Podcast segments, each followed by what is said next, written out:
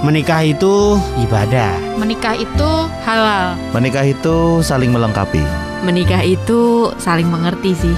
Menikah itu berani berbagi, berbagi tempat tidur, berbagi makanan, berbagi yang lain.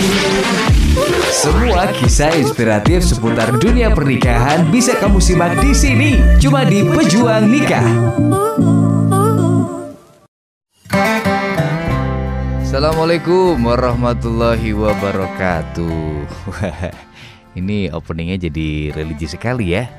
Ya karena nanti kita akan membahas mengenai sesuatu yang sangat oke sekali dan semoga bisa bermanfaat.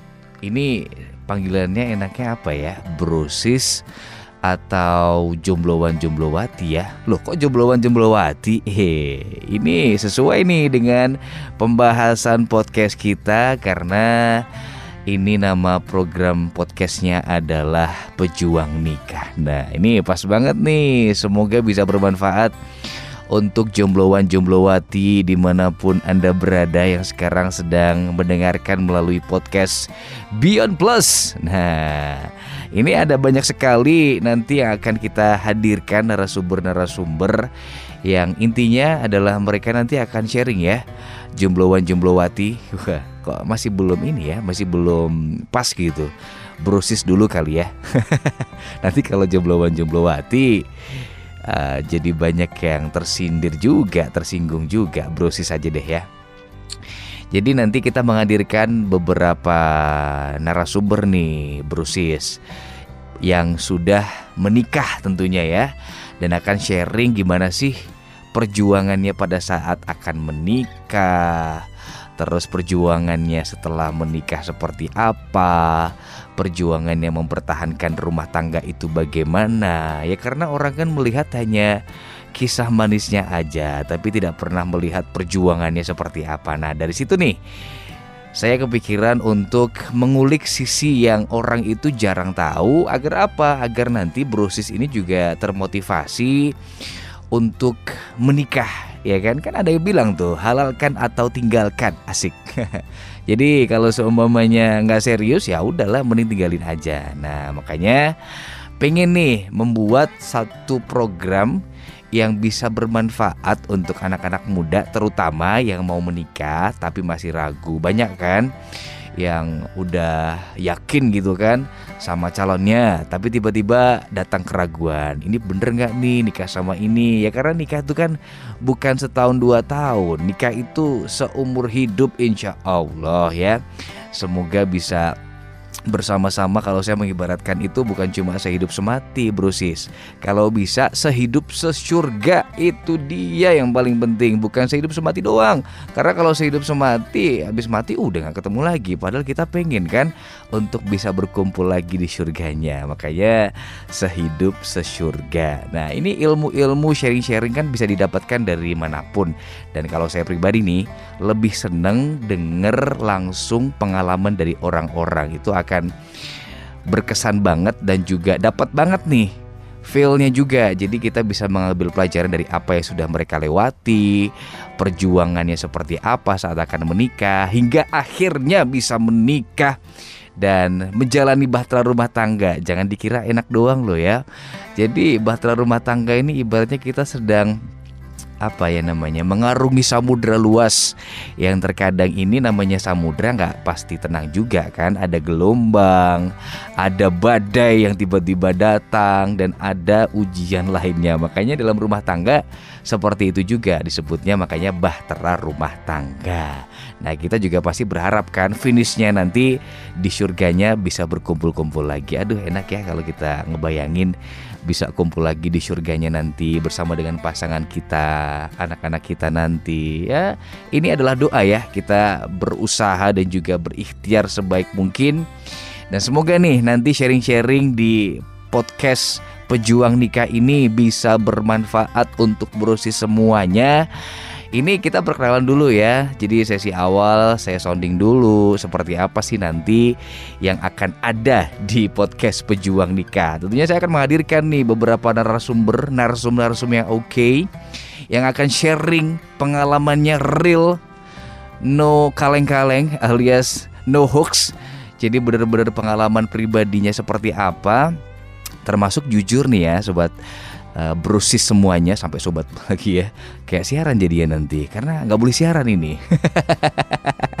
Jadi brusis semuanya. Nanti itu saya sendiri pun juga jujur kenapa saya terpikirkan program podcast pejuang nikah karena kisah saya pribadi pun juga bisa dibilang ya ini atas keajaiban dari yang maha kuasa. Bukan karena saya tapi karena memang ini sudah kehendak yang di atas kehendak dari Allah. Bahwa saya bisa bertemu dengan jodoh saya ketemunya di event karena pekerjaan saya juga sebagai seorang MC waktu itu di Jakarta jadi saya masih di Jakarta waktu itu lalu ada sebuah event di Senayan. Ini singkat aja ya. Jadi ada sebuah event di Senayan, lalu saya bertemu dengan istri saya. Sekarang jadi istri saya, dulu masih belum ya. Lalu ketemu, saya perhatikan dari bawah sampai atas. Terus dalam hati nih, dalam hati cuman bilang, "Wah, kayaknya dia nih jodoh gue." Uh, Jakarta banget ya. Kayaknya dia nih jodohku. Karena nggak tahu kenapa pada saat pertama ketemu itu langsung ngerasa yakin aja. Lalu ada usahanya juga dong. Jadi jangan cuma ngebatin doang. Usahanya apa? Waktu itu calon saya ini yang sekarang sudah menjadi nyonya saya alias istri saya Waktu itu dia sedang fashion show singkat cerita. Nah saya nanya nih sama koordinatornya sama manajemennya Itu siapa? Gitu. Dikasih tahu oh namanya si ini. Dia kesehariannya kerja di ini. Bla bla bla bla ngomong panjang lebar. Oke okay. ditambung dulu informasinya. Lalu setelah selesai eventnya kan eventnya empat hari tuh. Jadi selama empat hari saya perhatiin terus tuh. Pantau terus ya. Tempel terus jangan sampai lolos tapi nggak langsung ke orangnya nanya ke teman-temannya dulu. Nah singkat cerita saya langsung nyamperin di tempat kerjanya karena dapat info kan tadi kan? Nyamperin ke tempat kerjanya saya perhatiin juga orangnya yang mana putar-putar putar-putar kok nggak ada? Ternyata oh ternyata informasinya salah. Saya datang ke tempat kerja temennya malahan. Tapi untung ya Alhamdulillahnya masih ketemu sama temennya jadi masih bisa tanya-tanya. Akhirnya pura-pura beli tas nih. Jadi sedikit bocoran kerjanya di tempat uh, apa ya retail outdoor pasti tahu lah terkenal di Indonesia. Akhirnya beli tas outdoor yang harganya juga lumayan ya kan gaya-gayaan. Ya biar ngobrolnya bisa agak lama lah sama temennya calon yang saya incer ini karena nggak ketemu sama si dia kan sama si doi nggak ada ya udah akhirnya ngobrol sama dia pura-pura nanya kemarin datang ke event ini nggak mbak? Oh iya mas saya datang juga nih. Kalau yang namanya ini kerja di mana ya? Oh kalau dia di sini mas kerjanya. Oke dapat informasi baru lagi. Dan akhirnya dia tanya nih lo kenapa mas saya nanya? Oh enggak jadi saya ngeles waktu itu jaim lah. Ada nih temanku nanyain dia pengen ngobrol-ngobrol. Padahal buat saya sendiri tapi nggak apa-apa ya. Itu namanya strategi. Nah barangkali nanti bisa diterapkan juga nih buat proses semuanya. Jadi ya namanya usahakan bisa apa aja ya kan? Yang penting dengan cara yang baik begitu. Tapi tadi baik nggak ya? Ya semoga baik sih. Karena sudah sah sekarang. Singkat cerita ketemu bla bla bla bla bla. Akhirnya dapatlah alamatnya dan juga nomor teleponnya. Alamat kantor ya, bukan alamat rumah. Ya udah, habis itu langsung saya mencoba untuk menghubungi. Awal-awal dibalesnya lumayan cepat. Terus setelah sekian lama kok semakin jarang dibales, semakin gelisah gundah gelanah juga hati saya. Akhirnya saya memberanikan diri untuk langsung nyamperin ke tempat kerjanya. Sampai di tempat kerja, dia ada nih si do ini ada nih brosis langsung tatapannya dia tahu nih tahu saya. Awalnya dia nggak begitu nge pada saat saya nge-MC di acara itu. Tapi pas ketemu langsung ngeh kan? Langsung dia agak uh, salting gitu agak malu-malu. Terus ya udah saya WhatsApp lagi aku tunggu di luar. Akhirnya mau nggak mau kan ditodong seperti itu ya kan? Strategi juga itu. Akhirnya sudah Singkat cerita, ini singkat dulu aja deh. Nanti panjangin nanti aja. Jadi singkat cerita, ya sudah ketem, apa namanya ngobrol-ngobrol santai sambil makan. Setelah itu pulang, Terus besoknya saya dicuekin lagi. Ya udahlah ya. Mungkin waktu itu saya di fase yang udah males lagi untuk ngedeketin orang yang dianya juga nggak respon gitu kan. Ya udahlah. Jadi kita menjauh pelan-pelan dan dia pun juga iya. Ya udah udah nggak mikirin. Terus tiba-tiba ini yang namanya kodarullah sudah kehendak yang di atas bahwa memang kalau sudah jodohnya nggak akan ke mana. Ketemu lagi loh, ketemu lagi di tempat yang tidak pernah kita prediksi sebelumnya. Ketemu di kereta api KRL Bogor Jakarta. itu luar biasa. Saya sampai buat YouTube tuh waktu itu. Berawal dari event berujung di pelaminan. Itu ada cerita lengkapnya juga. Nah, ya udah habis itu ketemu di kereta setelah cuekin ngobrol-ngobrol-ngobrol kok malah nyambung di pertemuan yang kali ini. Kok malah enak ngobrolnya. Di sebelum perpisahan saya sudah sampai di Jakarta di tujuan saya dia juga sama. Ada suatu perbincangan.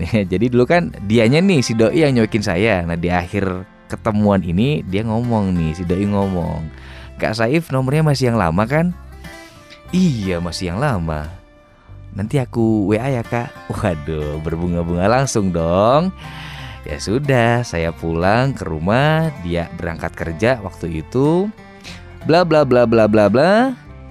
Dari pertemuan itu Satu setengah bulan berikutnya Kita menikah.